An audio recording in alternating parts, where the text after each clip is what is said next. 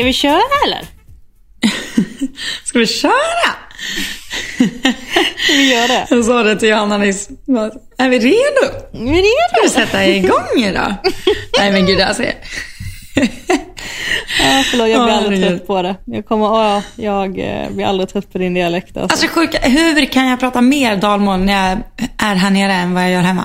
Ja, det var min fråga också faktiskt. För det, alltså allvarligt talat, jag vet inte om typ både du och jag har gjort lite så här när av dig. Så att det är det att vi typ tänker på det mer. Eller om du på riktigt har pratat mer. Jag upplever att du har pratat mer dalmål nu. Du bryter mer än vad du gjorde när du kom ner. Ja men det är helt otroligt. Och jag liksom... Jag vet inte, det är ingen jag pratar med som pratar liksom jättemycket. Nej. Nej men det är... Det är jättekonstigt. Och det blir verkligen värre när jag pratar med bara en skåning. Alltså, Vad var Det- det du sa till mig häromdagen? Att du, inte, du hörde inte vad jag sa. Det var när, nej vad fan var det du sa? Du skulle säga torsk. Torsk. Torsk. Jag bara, eh, för Johanna hade köpt så här matlåda innan hon skulle åka på, trä, eller på träningen. Och så bara, jag bara, ja men vad är det då? Det bara, torsk. Jag bara, eh, och det första jag tänkte på var en sån här toskabulle. Jag bara, what the fuck är det hon säger? nej nej, det var en torsk. Liten torskrygg. Torsk. Ja, herregud. Också när man ska säga dyrt. Dyrt. Och kort. Dyrt. Torrt. Kort. Torrt. Nej, alltså jag Nej, säger okej. Men det är alltså en grej. Antal personer som taggar mig i en, eh, jag tror en video som går lite vi- viralt nu med en tjej som eh, har eh, satt på sopkvastar på sin pall i ridhuset. För att jag snackade om det förra veckan, att jag Ja. står och stampar. Mm. Men då vill jag säga så här, tack snälla för att ni taggar mig, men jag har redan gjort det här för typ sju, åtta år sedan. Du vet min tävlingspadd som jag har i lastbilen, där har jag ju häftat fast en dörrmatta på. Ah, Och eh, det borde jag göra i den i ridhuset också faktiskt. Det är bara att jag, ja. det är inte min liksom. Men eh, faktiskt, alltså Jag tror ingen blir ledsen av att du sätter en dörrmatta på den. Nej jag tror inte det heller. Det är så enkelt. Du vet en sån Men det enda jag tänker om man drar med fötterna att det liksom kommer massa dass då liksom på stövlarna. Nej, det är inte en sån dörrmatta. Det är en sån eh, som är plast och piggig. Typ. Ja. Som låter lite så. Sån, den, bi- Tänk den billigaste du kan hitta på typ Biltema. Alltså verkligen Ja. den. ja, men det är smart. Mm, det är jättesmart faktiskt. Så um, slipper man få grus i stigbygglarna för den som också. Grus. Grus. Jaha, Kan du säga grus? grus.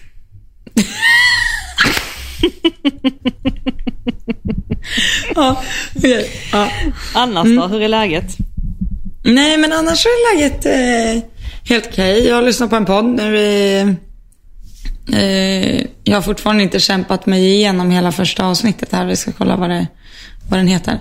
Den heter The Science of Making and Breaking Habits av Humberman Lab.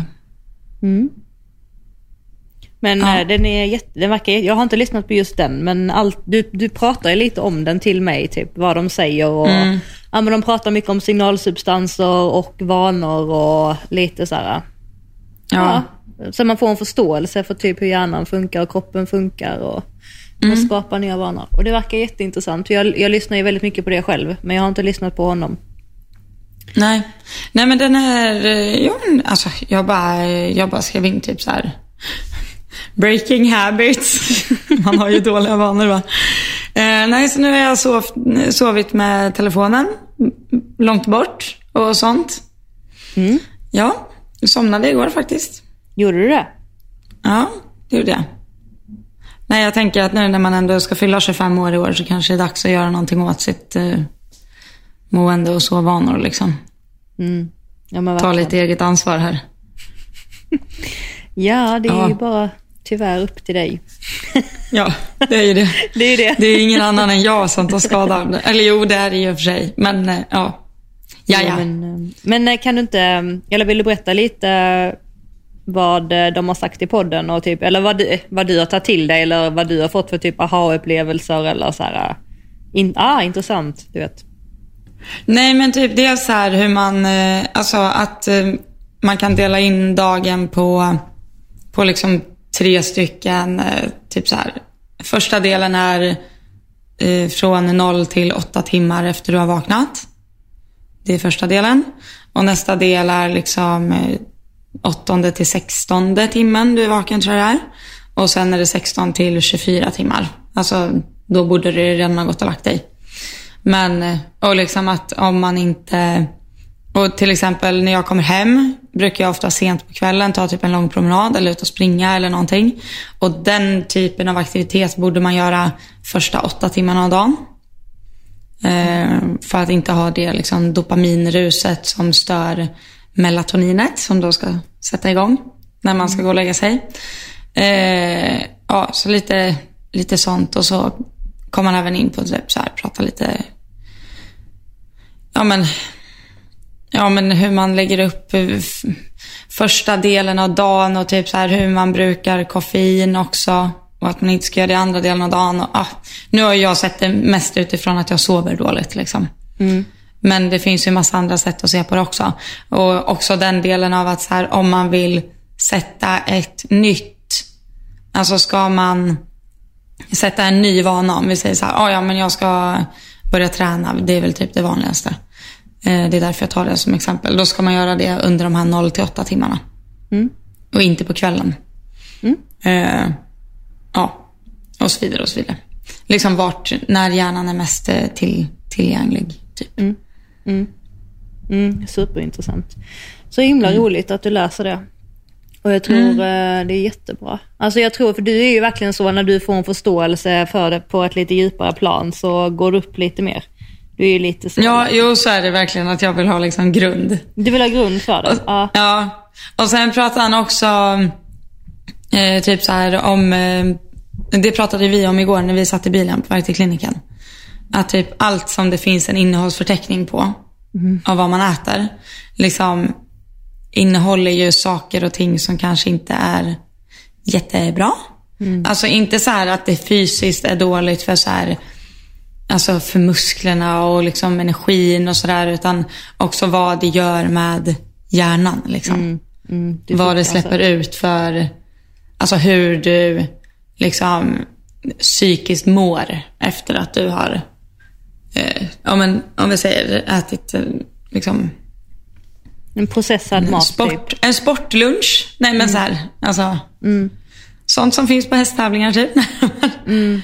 Eh, och typ att man, om man börjar dagen med det, då kan det verkligen spegla hela dagen för att det är liksom inte...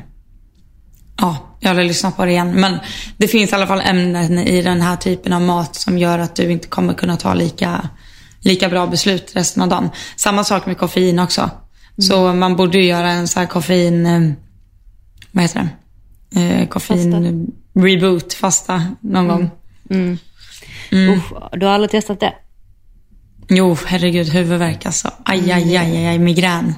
Fruktansvärt. Det är, Ja. alltså det är mardröm. Jag fick ont i Ja, hela nej men det är kroppen. så... Alltså.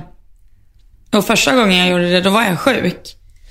Eh, alltså så jag hade ont i huvudet innan. Och så, jag tänkte så här, jag blir aldrig frisk. För skiten sitter ju kvar i typ två veckor. Mm, det går, ja, ja, ja. Det går ju aldrig över. Nej, det är jättesegt. Nej men det är ju sån huvudvärk alltså. Ja, nej men herregud. Men sen är det också så här, vem orkar vara perfekt då? Nej men det handlar inte om att vara perfekt. Det handlar ju bara om att Nej, men typ vara, or- me- men vara medveten om vissa saker. Ja. Vad, ja, men vad fysisk aktivitet gör med en, vad matvanor gör med en, vad tankar gör med en, vad... Mm. Alltså allt. Jag tror bara... Det handlar inte om att vara perfekt. Man behöver liksom inte vara på ett visst sätt. Men eh, jag Nej. tror att för att leva länge och hälsosamt så behöver du ändå se över lite delar. Mm. Det tänkte jag på. För han eh, sa i den här podden att eh, nervsystemet, du som är mental coach. När, nervsystemet vet när något händer på riktigt och när du liksom inbillar dig det. Jag tänker om du liksom visualiserar. Du menar kan att du du inte vet? visualisera? Nej, han sa att nervsystemet är inte så dumt att det, den, den inte fattar om du är i fara på riktigt eller om du tänker. Men det tänkte jag var inte korrekt. För visst kan man tänka, man kan ju tänka en tanke som gör en nervös. Mm, exakt. Kan inte du skicka det avsnittet med mig? Det hade varit intressant att veta hur, alltså hur han pratar om det och på vilket sätt och vad han alltså helt menar. För Ja. ra, alltså rakt av, det du säger går lite emot vad jag, kanske vad jag tänker. Men eh, Ja, ja det, Men, han sa det dock bara en gång och jag kommer inte riktigt ihåg sammanhanget. Men han sa i alla fall att, eh, så här, att när systemet är smart, alltså att det inte är så dumt att det inte fattar vad som är verkligt och inte verkligt. Och jag bara, hmm. Men vad kopplar han det till? För det har varit väldigt intressant att veta varför han tog upp det eller på vad, vad han liksom knöt an till, vad han menade. Liksom exempel på det. Pratar han om det? Mm, det lär jag återkomma om.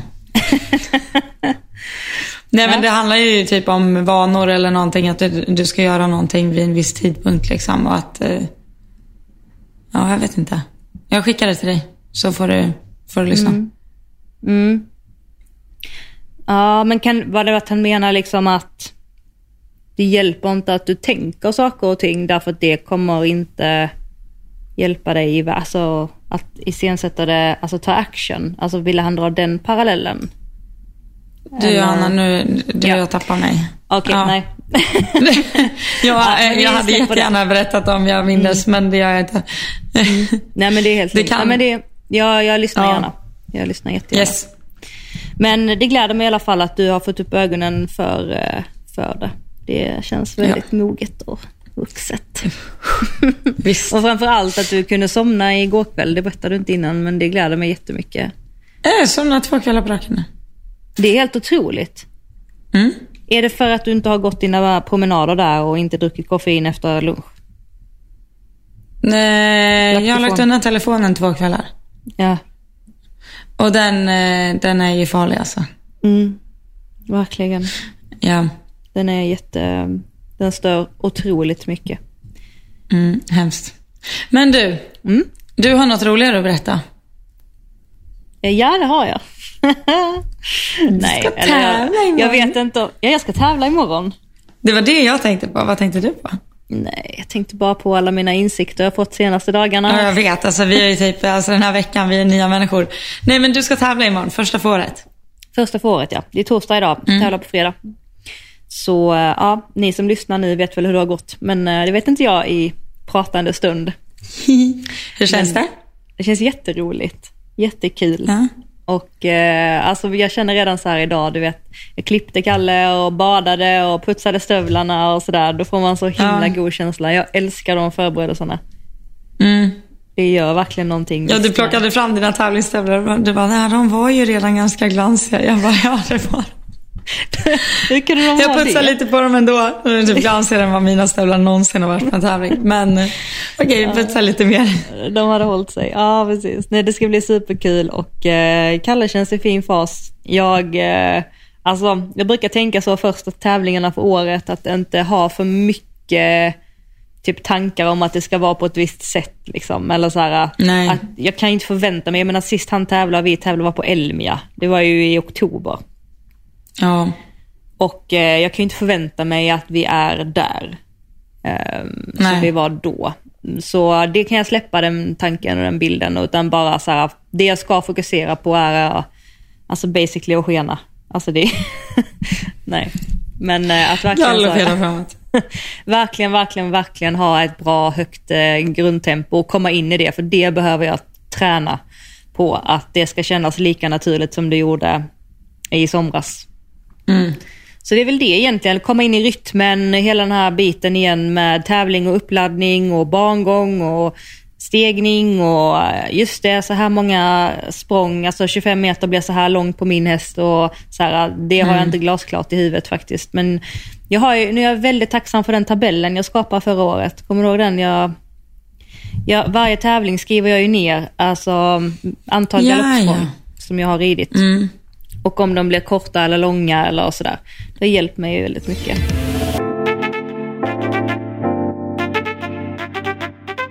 Ja men du, eh, vi eh, har ju varit på klinik.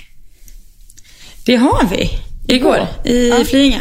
Ja, Jens Yes. hade klinik där. Men eh, Det hade han. Det var, jätte, det var faktiskt jättebra och inspirerande. Vi fick lite så här aha-upplevelser men alltså mina aha-upplevelser började ju för några dagar sedan. Vilket var väldigt komiskt för mycket av mina aha-upplevelser befäste han, eller vad heter det, confirm, alltså bekräftade Ja, eh, han mm. igår. Ehm, och eh, ja men jag kan ju berätta om dem för jag har lovat att göra det. Ja, alltså du måste berätta allt för jag vet att de har varit galna på Instagram också. Bara berätta! Ja, jag känner sig så dum. Men det var lättare att berätta i podden. Ja, det Ehm, fattar jag.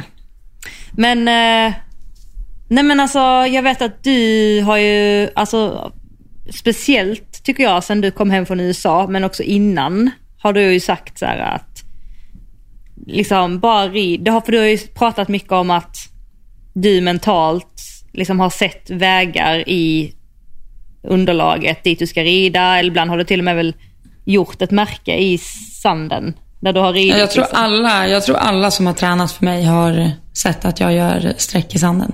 Ja. Det, det har du ju pratat med podden också, men, men i alla fall. Du har ju nämnt det här och jag har ju liksom köpt det. Eller har ju hört vad du har sagt. Men jag har ju liksom inte tagit det till mig. Eller jo, jag har tagit det till mig, men jag har typ inte 100% i hjärtat fattat. Det var liksom inte så här, varför ska jag göra det? Jag fattar ju att jag ska rida hästen rak. Ja, det är jag inte dum. Och att det är viktigt att hästen går dit jag vill.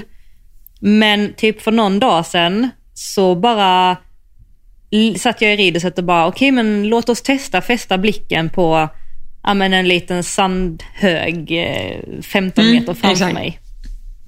Och så bara rider jag till den och när jag kommer till den då ska jag verkligen så här, vända höger och så rida rakt längs med kortsidan och sen ska jag sätta en ny punkt och så här. Och då bara inser jag att eh, gud, det var ju ganska svårt att göra det. Därför att eh, jag satt på Fia då. Eh, dels så flöt hon in lite och så flöt hon ut lite och så vände hon lite på halsen och så var det liksom byta galopp lite i galopp. Alltså det var väldigt så här, eh, svårt att hålla den linjen. Eh, men jag började med det i trav och eh, då fattade jag, alltså i hela hjärtat, varför det är så viktigt att kunna rida, nu säger inte jag rakt, för jag har inte fattat när man säger rakt. Utan, Jag, ska, jag, bara, mm, ja, räck, upp handen. jag, bara, jag räcker upp handen här för jag vill inte avbryta. Men Avbryt. den som sa det här från första början till mig, som fick mig att fatta. Jag har ju ridit väldigt mycket fälttävlan. Jag tror alla som rider fälttävlan har hört det här förut.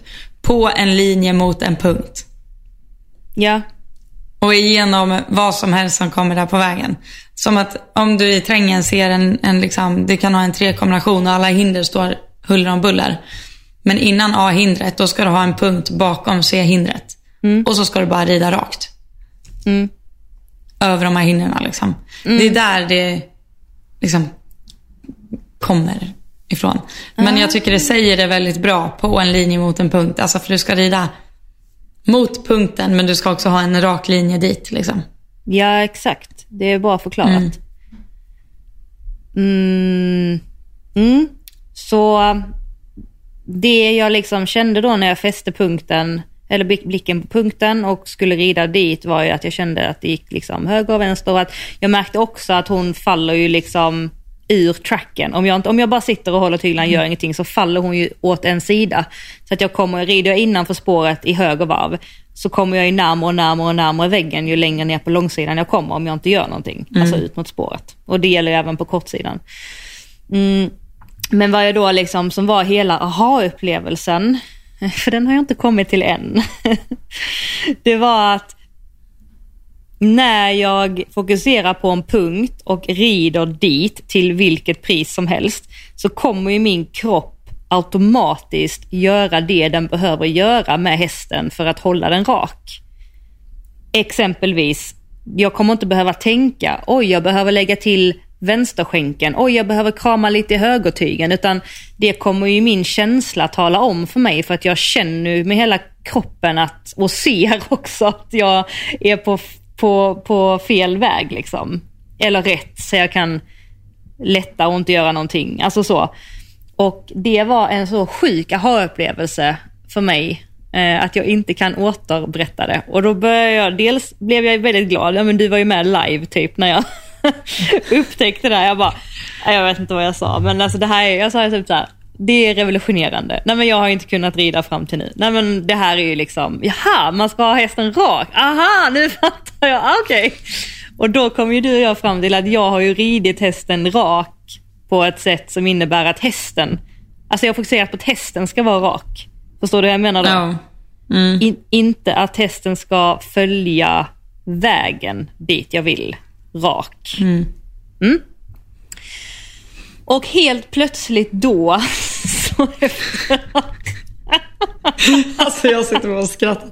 Jag skrattar ju för att jag är glad. Alltså, Ja, ja. men jag skrattar ju för att jag, jag skäms ju också över att berätta det här. Nej, men jag, men jag det berättar det här för det är säkert någon där ute som känner igen sig. Och gör de inte det, grattis. Men eh, jag skäms på ett sätt för att eh, det här borde jag kanske veta. Eller jag borde ha fattat det här eller så. Men det har jag inte gjort så att jag kan tyvärr inte ta ansvar för det nu så här i efterhand. Mer ut, men att nu har jag fått insikten och nu kan jag agera ut efter det. Men det då som helt plötsligt börjar hända då är ju att Fia i det här fallet helt plötsligt börjar gå i balans liksom.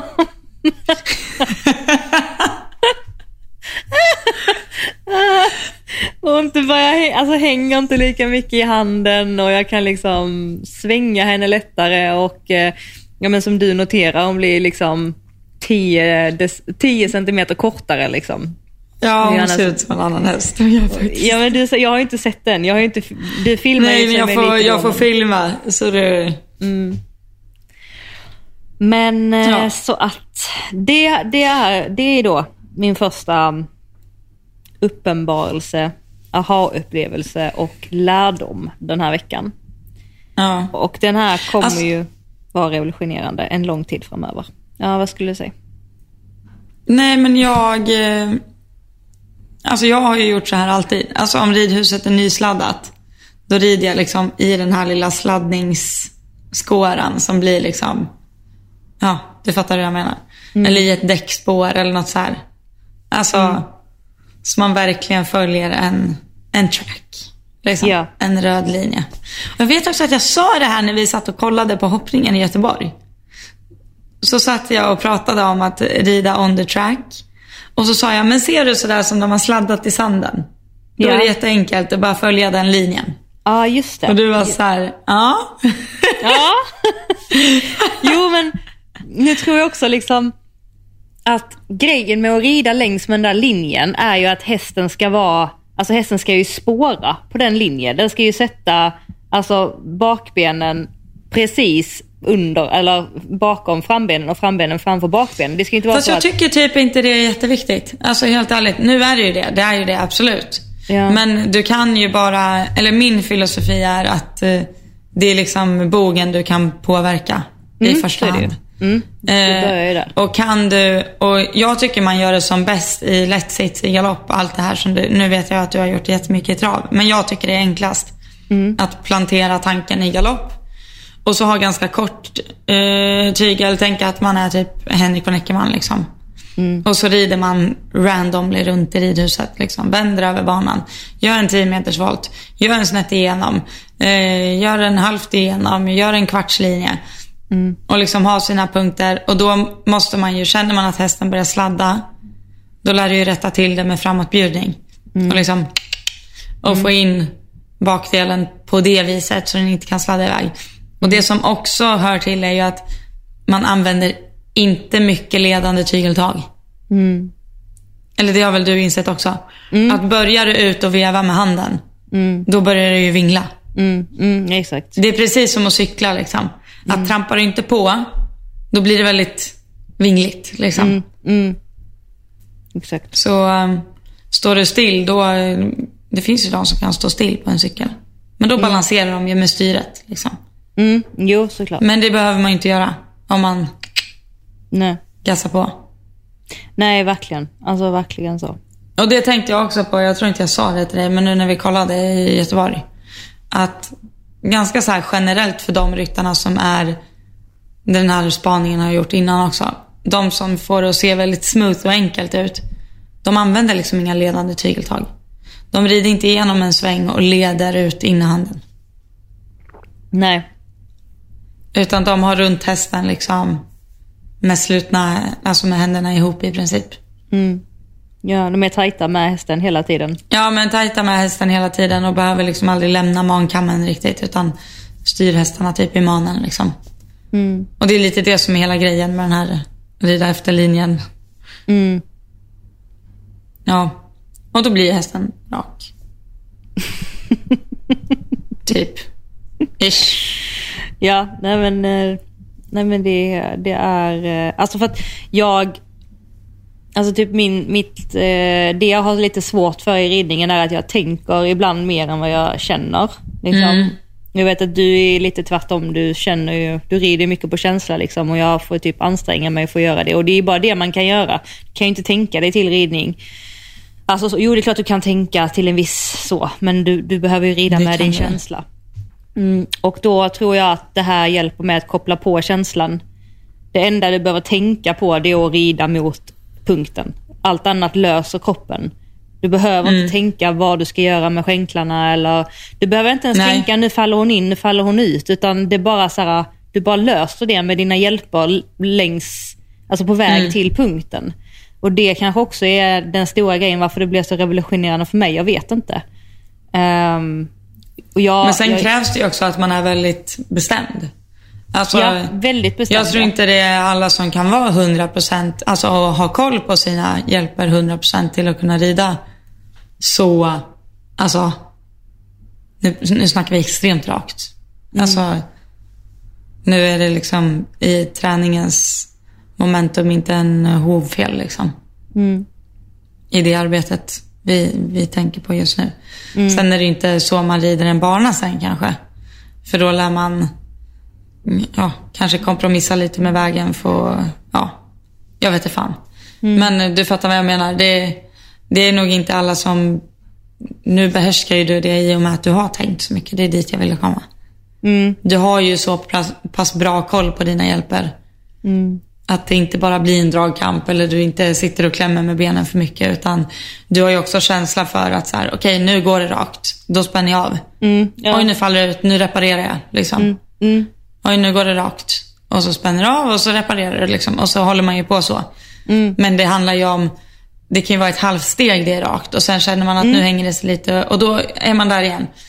För det blir inte bättre av att liksom vara där och slita och dra på Nej. linjen hela tiden. Utan hela grejen är ju att försöka få hästen bärig, rak själv. Liksom. Men det är exakt som du säger. Att du, kroppen gör det ju åt den.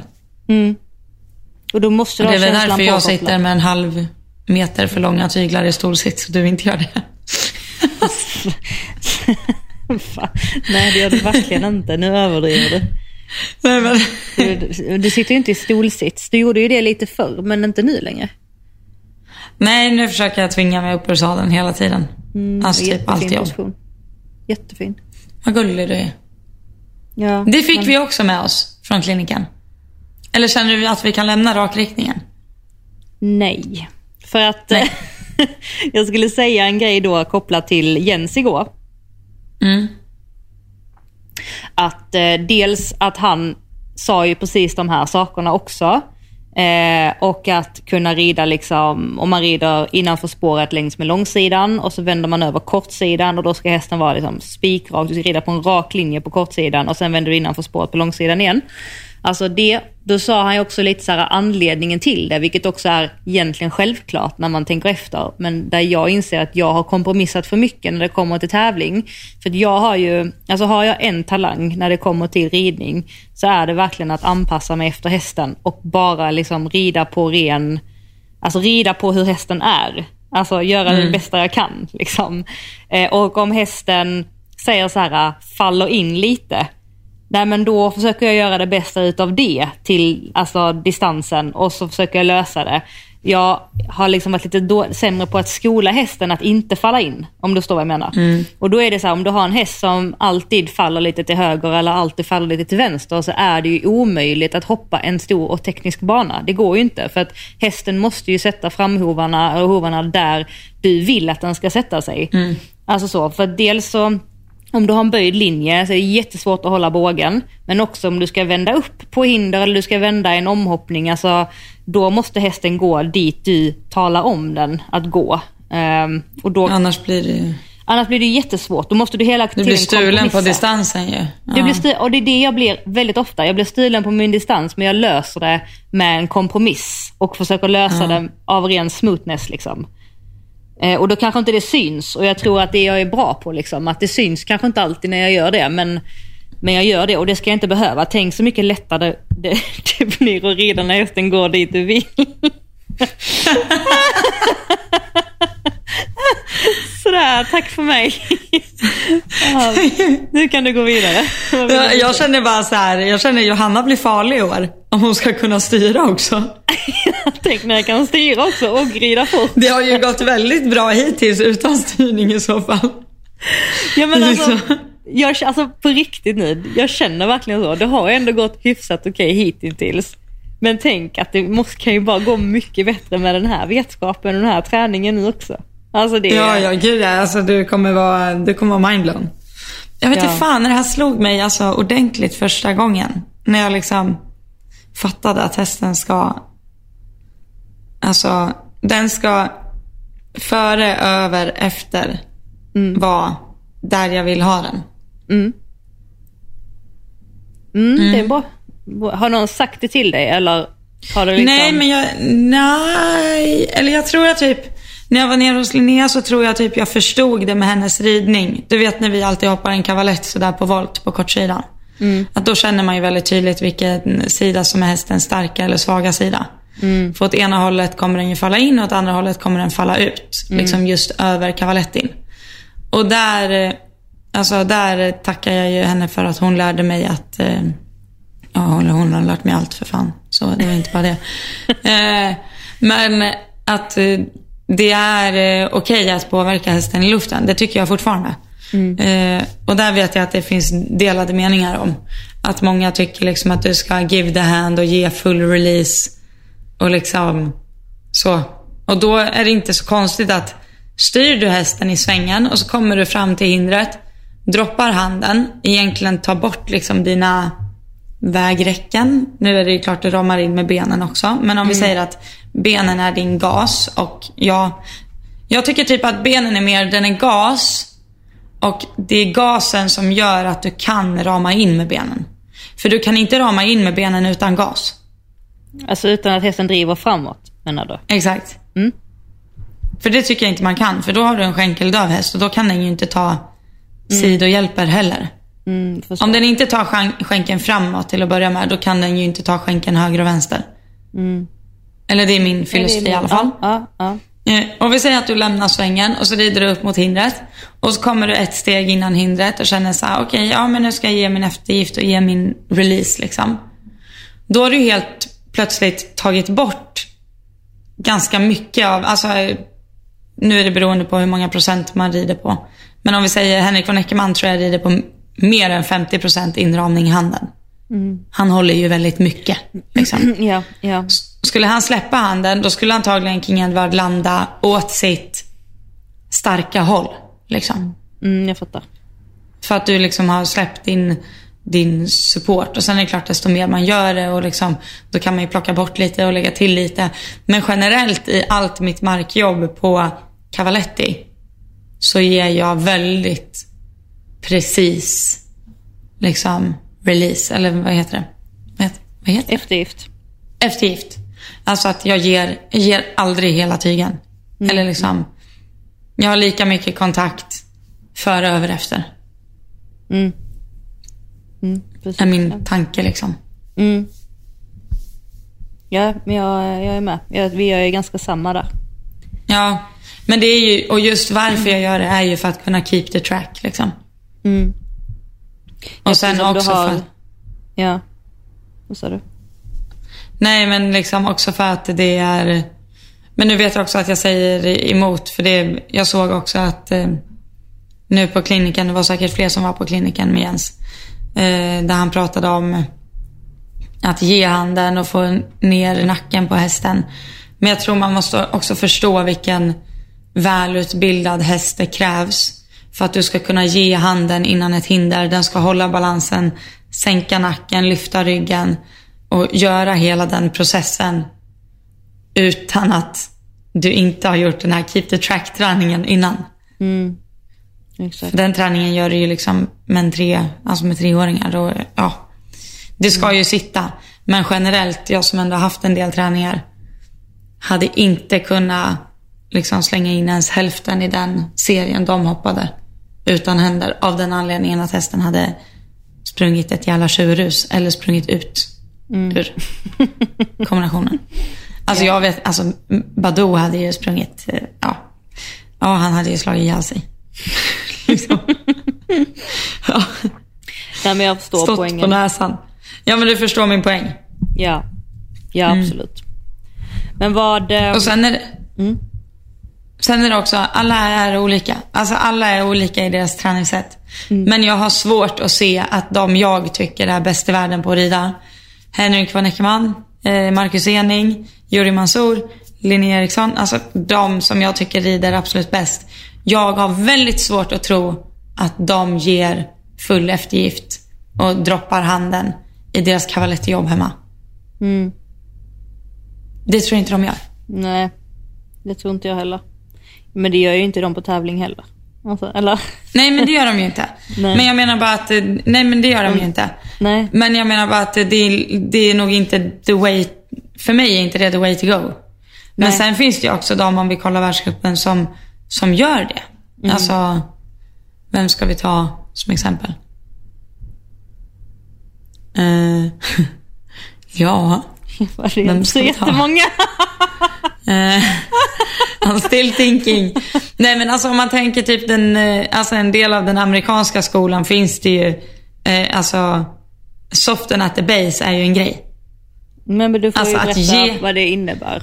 För dem Att ge handen sista språnget innan hindret så att hästen kan länga halsen, sänka huvudet och hoppa upp sig den vägen. Men du kan ju få, du, jag menar du behöver ju inte släppa kontakten helt så att tygen glappar för att få det. Du kan ju alltså behålla en liten, liten kontakt med hästen. Alltså och vara följsam i den rörelsen för du vill ju inte blocka hästen i avsprånget. Liksom, såklart. Den behöver ju kunna komma ner och liksom sänka sitt huvud, lyfta upp macken och komma upp och baskulera hela den biten.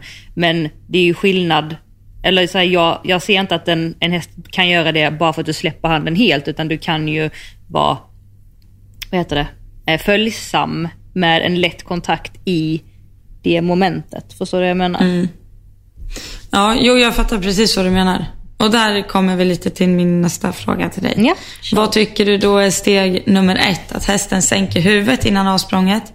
Eller att hästen driver på innan avs- avsprånget? Ge att den driver på. Exakt. Och vissa hästar kanske inte driver på om inte huvudet får vara uppe. Ja, Eller fattar du min mening? ja, Att jag tror i alla fall alla hästar jag har utbildat och ridit så har det varit en tid där absolut ryggverkan kan ha tagit, vad ska man säga, alltså att den inte i allt sitt jobb har arbetat helt i perfekt ryggverkan, sänkt huvud, höjd, höjda bogblad och allt det där. För att jag har varit i ett jobb där jag ansett det viktigare att den lär sig driva på framåt. mm, jag förstår. Du har kompromissat då, eller så valt ut. Exakt. Ja, ja, Exakt. men det är väl inget fel, eller? Nej, och där brukar jag typ jämföra hästen lite som en gång, eller en gungbräda.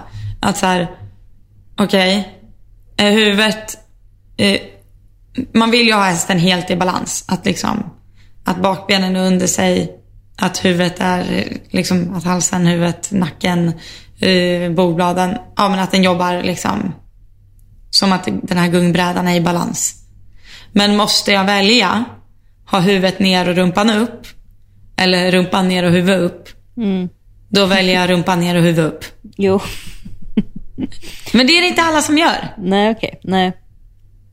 Ja men det är väl bara att kolla. Det finns väl inga eh, fler, alltså svenskar är fan välkända för att vilja ha sina hästar och springa på tygen. Det är det viktigaste vi vet. Ja, jo, jag, jo, jo, jag förstår. Och kommer man till USA, då är det, hästen får inte springa bakom lod. Det är liksom, då är det en tung, hemsk häst. Medan här har man hellre hästen, nu talar jag emot mig själv men jag försöker göra det med energi och sådär. Men att, att man har hellre liksom en låg nacke, en rund form. Men ett häst utan övertramp. Eller liksom utan att den driver på. Mm, mm. Men, det, men det gillar jag att, att eh, Jens ändå var ganska tydlig med igår. Att, att han ville ha ut halsen ju.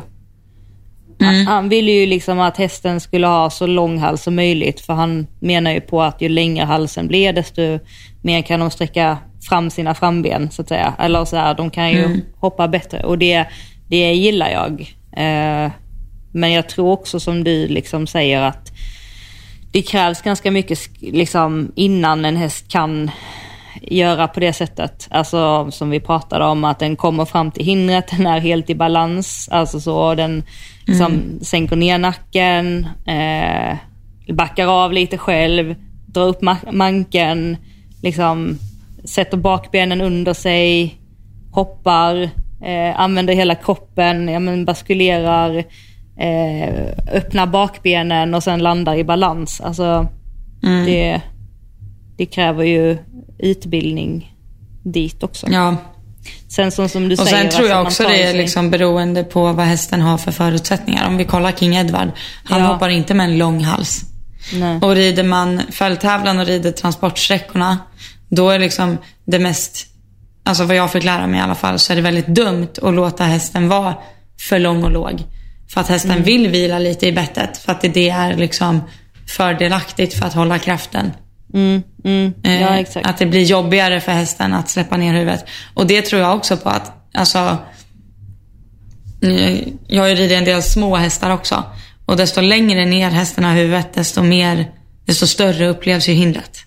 Mm. Men prata, när vi säger lång hals, då menar jag i alla fall inte låg hals. Då menar jag vertikal Nej. lång. Ja, jo men vertikal lång, det spelar ingen roll. Ja, men okej. om vi kollar världscupen så har ju de flesta hästarna inte en vertikalt lång hals. hals. Nej, de har ju huvudet uppe. Hu- huvudet uppe. Exakt. Och jag tror ändå det har lite att göra med min filosofi om gung, gungbrädan där. Att om huvudet kommer upp så kommer balansen av sig själv komma lite till bakdelen. Men nu de hästarna som går 1,60 och är så bra har ju ett sätt att vinkla sina bakben på. Så det spelar typ ingen roll om huvudet är där uppe. För de vinklar sina bakben så mycket ändå. Och kommer så mycket in under sig ändå. Men kan inte vi, eh, kan, för, alltså, eller du framförallt fick ju en aha-upplevelse, men jag fick också en aha-upplevelse, alltså just av det vi pratar om nu. Alltså med, alltså egentligen hur hästen kommer in med bakbenen innan den ska hoppa ett hinder.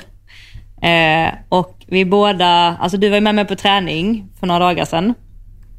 Och mitt så här, problem eller utmaning med Kalle är ju att han ska driva hela vägen fram till hindret. Liksom. Och han gör ju inte det naturligt så jag behöver ju finnas där och driva på. Liksom.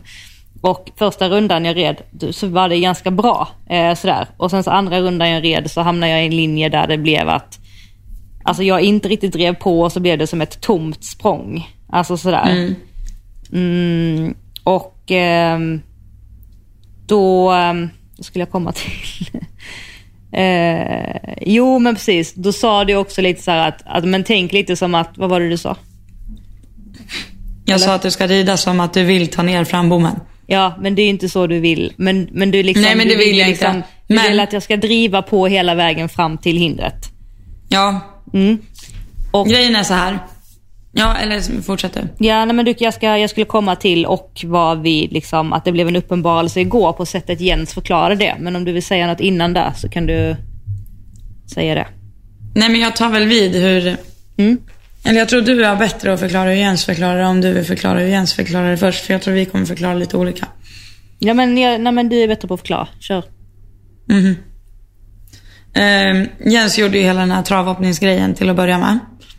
Eh, och där, då är ju det lite motsägelsefullt nu i och med att jag pratar om att jag tycker det är okej att hästen har upp huvudet och han vill att den sänker huvudet.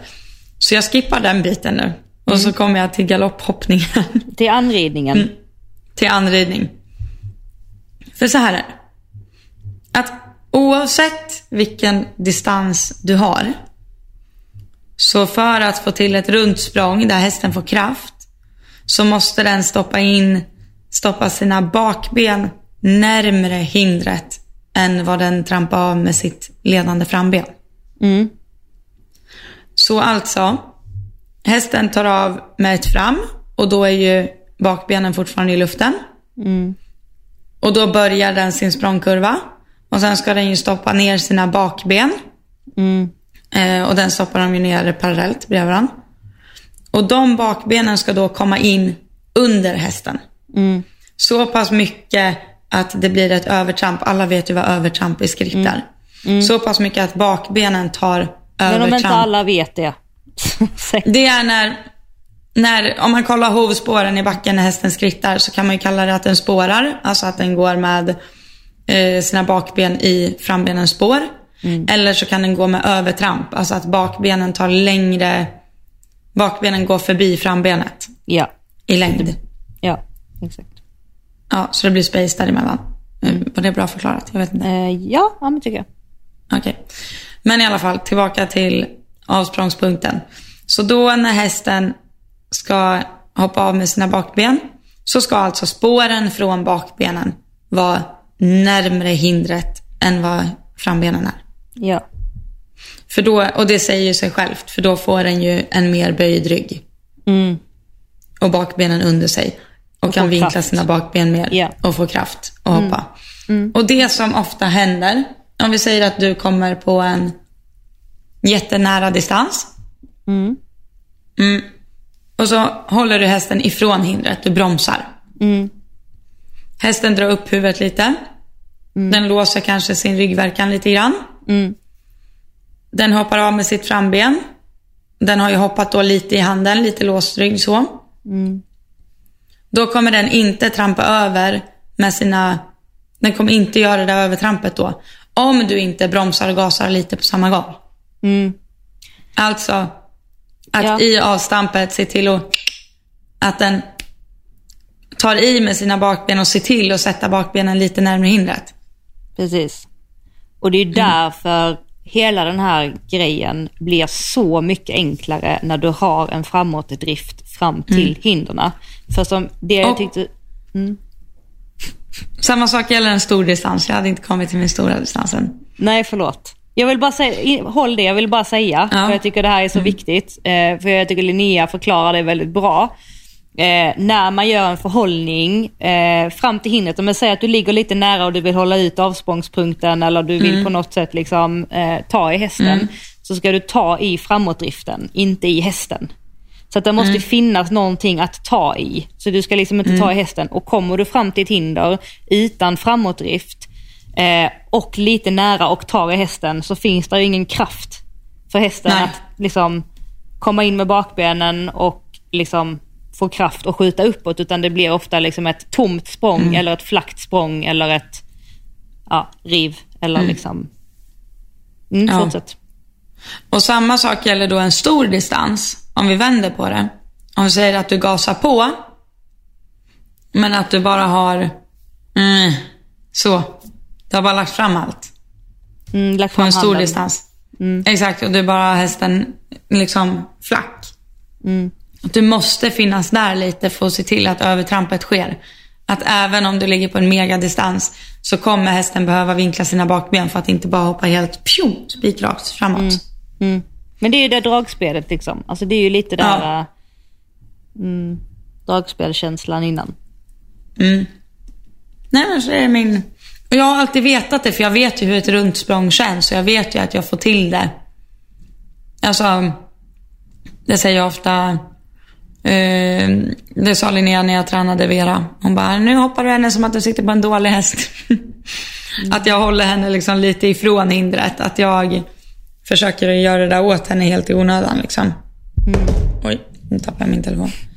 eh, men att, eh, och då har jag ju känt, liksom, det är klart jag känner när jag får till ett bra språng och inte. Och att det har att göra med framåtdriften och allt det där. Men det, det makeade så mycket sens nu när jag förstår att det har att göra med hur hästen böjer sina bakben. Eller hur den vinklar sig under sig. Så nu kommer ni höra mig smacka konstant. och det roliga är att alltså, jag hade en dålig vana när jag började jobba med hästar och den hästägaren. Hon bara, alltså Elsa du måste sluta säga framför varenda räcke. Alltså jag gjorde det framför varje räcke. Jag ska inte. Jag bara, men det känns som att det hjälper. Och nu känner jag att nu har jag fått det. Men det var det, alltså kopplat, jag tänker de som lyssnar på oss nu, de flesta har ju inte sett kliniken. Alltså egentligen. Nej. Det var ju, alltså så. Men det du menar, eller det som Jens också gjorde igår, eller demonstrerade, var ju lite det Erik Nordström naturligt gjorde på sin häst. Det gjorde han va? Ja det gjorde han, när han skulle hoppa ett lite högre räcke där diagonalt.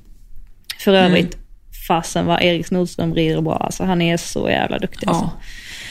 Men sidospår. Eh, och då är så här i de sista, ehm, sista, vad blev det, ett och ett halvt galoppsprången innan. Så här, Ja. Det där innan eh, gjorde han så här. Eh, för att hjälpa hästen att få spänst liksom, för att komma upp. ja, för den hade, distansen var bra, allt var bra, men den var lite shallow, lite, lite tom. Eller lite Ja. så här, lite kraftlös. Ja, exakt. Det är kraftlös ja. Precis. Ehm, och då förklarade Jens det att det var en väldigt bra timing för det måste ju komma i rätt timing. Det går ju inte, som han också sa, liksom att innan ett hinder bara... Alltså så, då förlorar man hela grejen. Så man behöver ju göra det i takten, så att säga. Ehm, Så jag vill bara förklara det för de som inte såg kliniken. Precis som när hästar lär sig piaff och sånt. Då är man väl också alltid i takt Ja, ja exakt. med sina smackningar. Ja. Nej, det, då har vi lärt oss vidare i den här veckan. Ja, kanske lite bättre i alla fall. Ja, ja, jag tänkte precis säga det. Nu ska vi se vad vi gör av den här kunskapen. Ja, det är väl det som blir intressant. Mm. Sen sa han en grej också som jag inte har tänkt på. Och det var eh, avsprånget och eh, över språnget, alltså språngkurvan, alltså hur man går med hästen i den och så. Mm, jättebra. Eh, och då förklarar han också att många ryttare håller liksom en liten, liten tendens till att ha balansen i handen. Mm. Och problemet när man kommer fram till hindret eh, och har mycket i handen och exempelvis en tränare säger till en att man ska räta upp sig innan hindret, för det får man ju höra väldigt ofta, man ska räta upp sig eh, fram till hindret. Och, och hästen då tar av och du ska räta upp dig, då kommer ju liksom Eh, hur förklarar han det? Jo, när hästen tar av och du är över hindret och du rätar upp dig och ger liksom handen lite över språnget, för du har ju haft balansen i tygen, men släpper det lite då kommer du få en liten bakåtvikt. Du kommer ju tappa balansen över hindret. Och det är därför det är så viktigt att du är oberoende av, eh, alltså ha en oberoende balans. Men det han sa som landade, för det här, det här känner jag ändå liksom att jag ändå har lite koll på, men, men det som jag inte har tänkt på tidigare som han sa var att istället för att, att du ska räta upp dig innan hindret så tänk att du ska föra fram höften Mm. och ha trampet i stigbygeln såklart. Shit vad det hjälpte alltså. Det gör ju det. Ja, det var faktiskt väldigt bra. Mm. Man är mycket mer med hästen då ju. Mm. Och så sa han det som du och jag har typ pratat om det lite så här.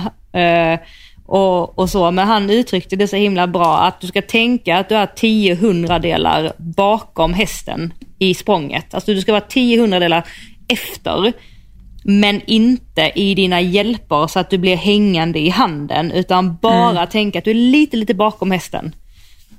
Och det är mycket lättare då om du för fram höften. Då kan du också lättare vara oberoende. Eh, för Ja. du kan liksom lättare ta, om du för fram höften så rätar du upp dig mer naturligt och då kan din hand ge, om hästen behöver ha mer av din hand exempelvis, då kan du ge handen utan att du behöver gå fram med överlivet så att säga. Alltså Därför för du fram höften, för du fram höften, då är du ju lika mycket mitt över hästen, över hela språnget, som det är när du sitter på hästen. Fattar du? Mm. Gör man för mycket höftböj, då hamnar, du ju, då hamnar, ju, då hamnar ju centrum i sadeln längre bak. Liksom. Ja, Ja. Nej, eh, ja, jättebra. Sen sa han en till sak som var väldigt rolig. Mm. Kiss and spines grejen. Ja, ta den. För att är, han fick en fråga, för han, han, red Cosmo eh, några minuter och jo, visade lite det sista han gjorde. Och då fick han en fråga angående att Cosmo faktiskt har Kiss and Spines och om han liksom, ja vad han gör åt det eller om han tänker på det extra eller så. Ja. Jo, men så sa han. Och eh, han bara, nej. Eller det enda är väl att jag kanske inte sätter mig ner i salen direkt när jag hoppar upp, utan jag står lite upp, känner att han är bekväm och sådär. Så bara, ja men det är inget du känner på honom, men så här, nej. Han vet ju inte att han har det. Det är ingen som har sagt det till honom. Så jag bara... Det var så jävla roligt. Nej, för han vet ju faktiskt inte det. Att han har kissing bajs. Det är ingen som Nej. har sagt det Det till är honom. ingen som har sagt det till honom. Nej, Nej, det är verkligen så jävla logiskt. Ja, Nej, det där tyckte jag var så, återigen till liksom, det är vi som är ansvariga för vad vi säger till hästen, vad som är rätt och inte. Alltså, Ja, verkligen. behandlar vi hästen som att den är ont, har ont i ryggen, den kommer ju säkerligen få ont i ryggen. Alltså, Ja. Eller fattar du vad jag menar? Ja. Det är så här, ja. Och sen också typ kan man ta till sig själv om man vet om att man har, alltså, eh, hur ska jag säga, ett problem någonstans eller sådär. Då lägger man också fokus på det, det blir ju ett problem. Men om du inte Exakt. vet om att du har ett problem så agerar du som att det inte finns något problem och då kommer du ofta längre än om du inte är liksom, Ja, ja, men på att precis. du hade problem. Så att, eh, Sen tyckte jag också en, eh, det han inledde med och så här, för det var rätt så kul, vi skrattade lite för han, när han blev eh, eh, vad heter det, presenterad, när han skulle komma in på kliniken så kom han ju in till en hårdrockslåt. Eh, ja.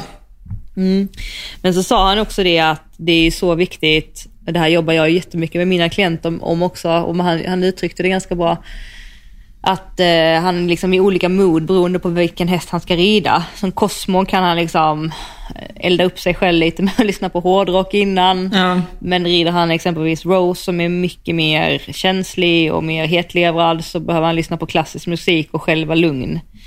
Mm. Eh, och det är typ så här Kalle Kassi för mig. Kalle kan jag ju liksom, där kan jag ha lite fördel av att elda upp mig Ja, lite. tagga igång så. honom, liksom. Tagga, Ja. ja. tagga igång. Medan Kassi får liksom så här, okej, nu tar vi det lugnt liksom. Du kör liksom eh, good night sleep ASMR innan. exakt, exakt. exakt. Ja, herregud. Mm. Så att, eh, Nej, men det var riktigt bra. sa? Han sa mycket bra alltså. Fan, vi ska ändå vara stolta svenskar och ha så... Alltså så vettigt hästfolk i, i våran sport faktiskt i Sverige. Tycker Ja, jag. verkligen. Det är inte den enda... Det är inte den enda levande legenden vi har just nu. Nej. Nej, Det det, är är ett gäng till.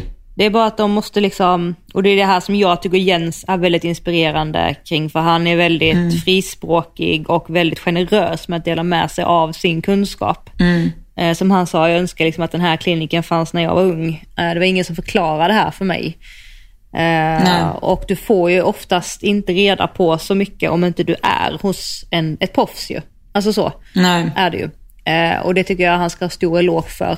Och vi måste ju ta ansvar för och liksom värna om den kunskapen som ges. För vi är ju nästa generation. Eh, så eh, ja, där har vi ett arbete att göra. Verkligen. Ja. Det var väl det. Ja, ska vi hålla det här tänkte jag säga. Men ja, det, jag tänkte, det, var nog, det var nog det.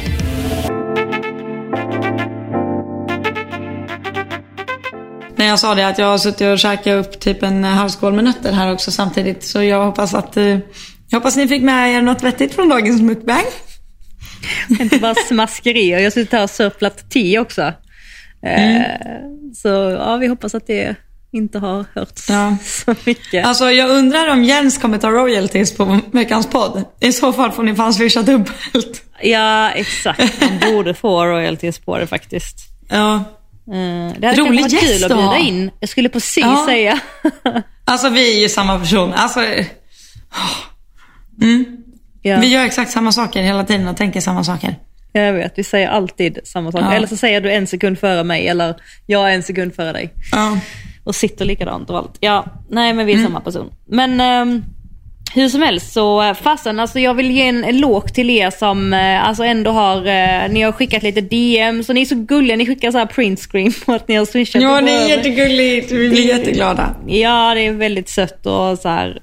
Men fasen vad tacksamma vi är för er. Eh, är det så att ni fick, fick med er någonting här från det här avsnittet? Alltså jag har ju lärt Ja. mig jättemycket bara av det här avsnittet. Ja, jag har också Själv. lärt mig hur mycket som helst. Så jag bara, alltså så himla kul att känna att vi är nere i nörderiet igen. Verkligen. Ja, alltså verkligen det älskar man ju. Den här Ja. kliniken kostar 430 kronor att gå på. Så då är en tia Ja. kanske där på eh, Ja, resumén en, av... minst av en tia borde det här vara värt. Exakt.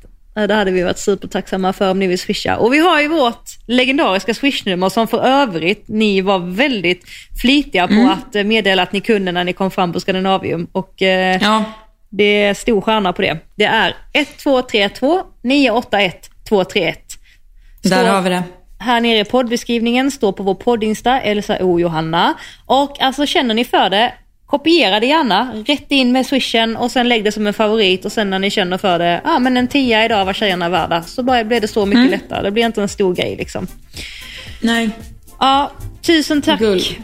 Ja, Tack för att ni lyssnar och tack för att jag får podda med dig, världens bästa Johanna. tack själv. Så tacksam. Vi hörs Puss nästa och vecka. godnatt. Hörs Puss och 嘿嘿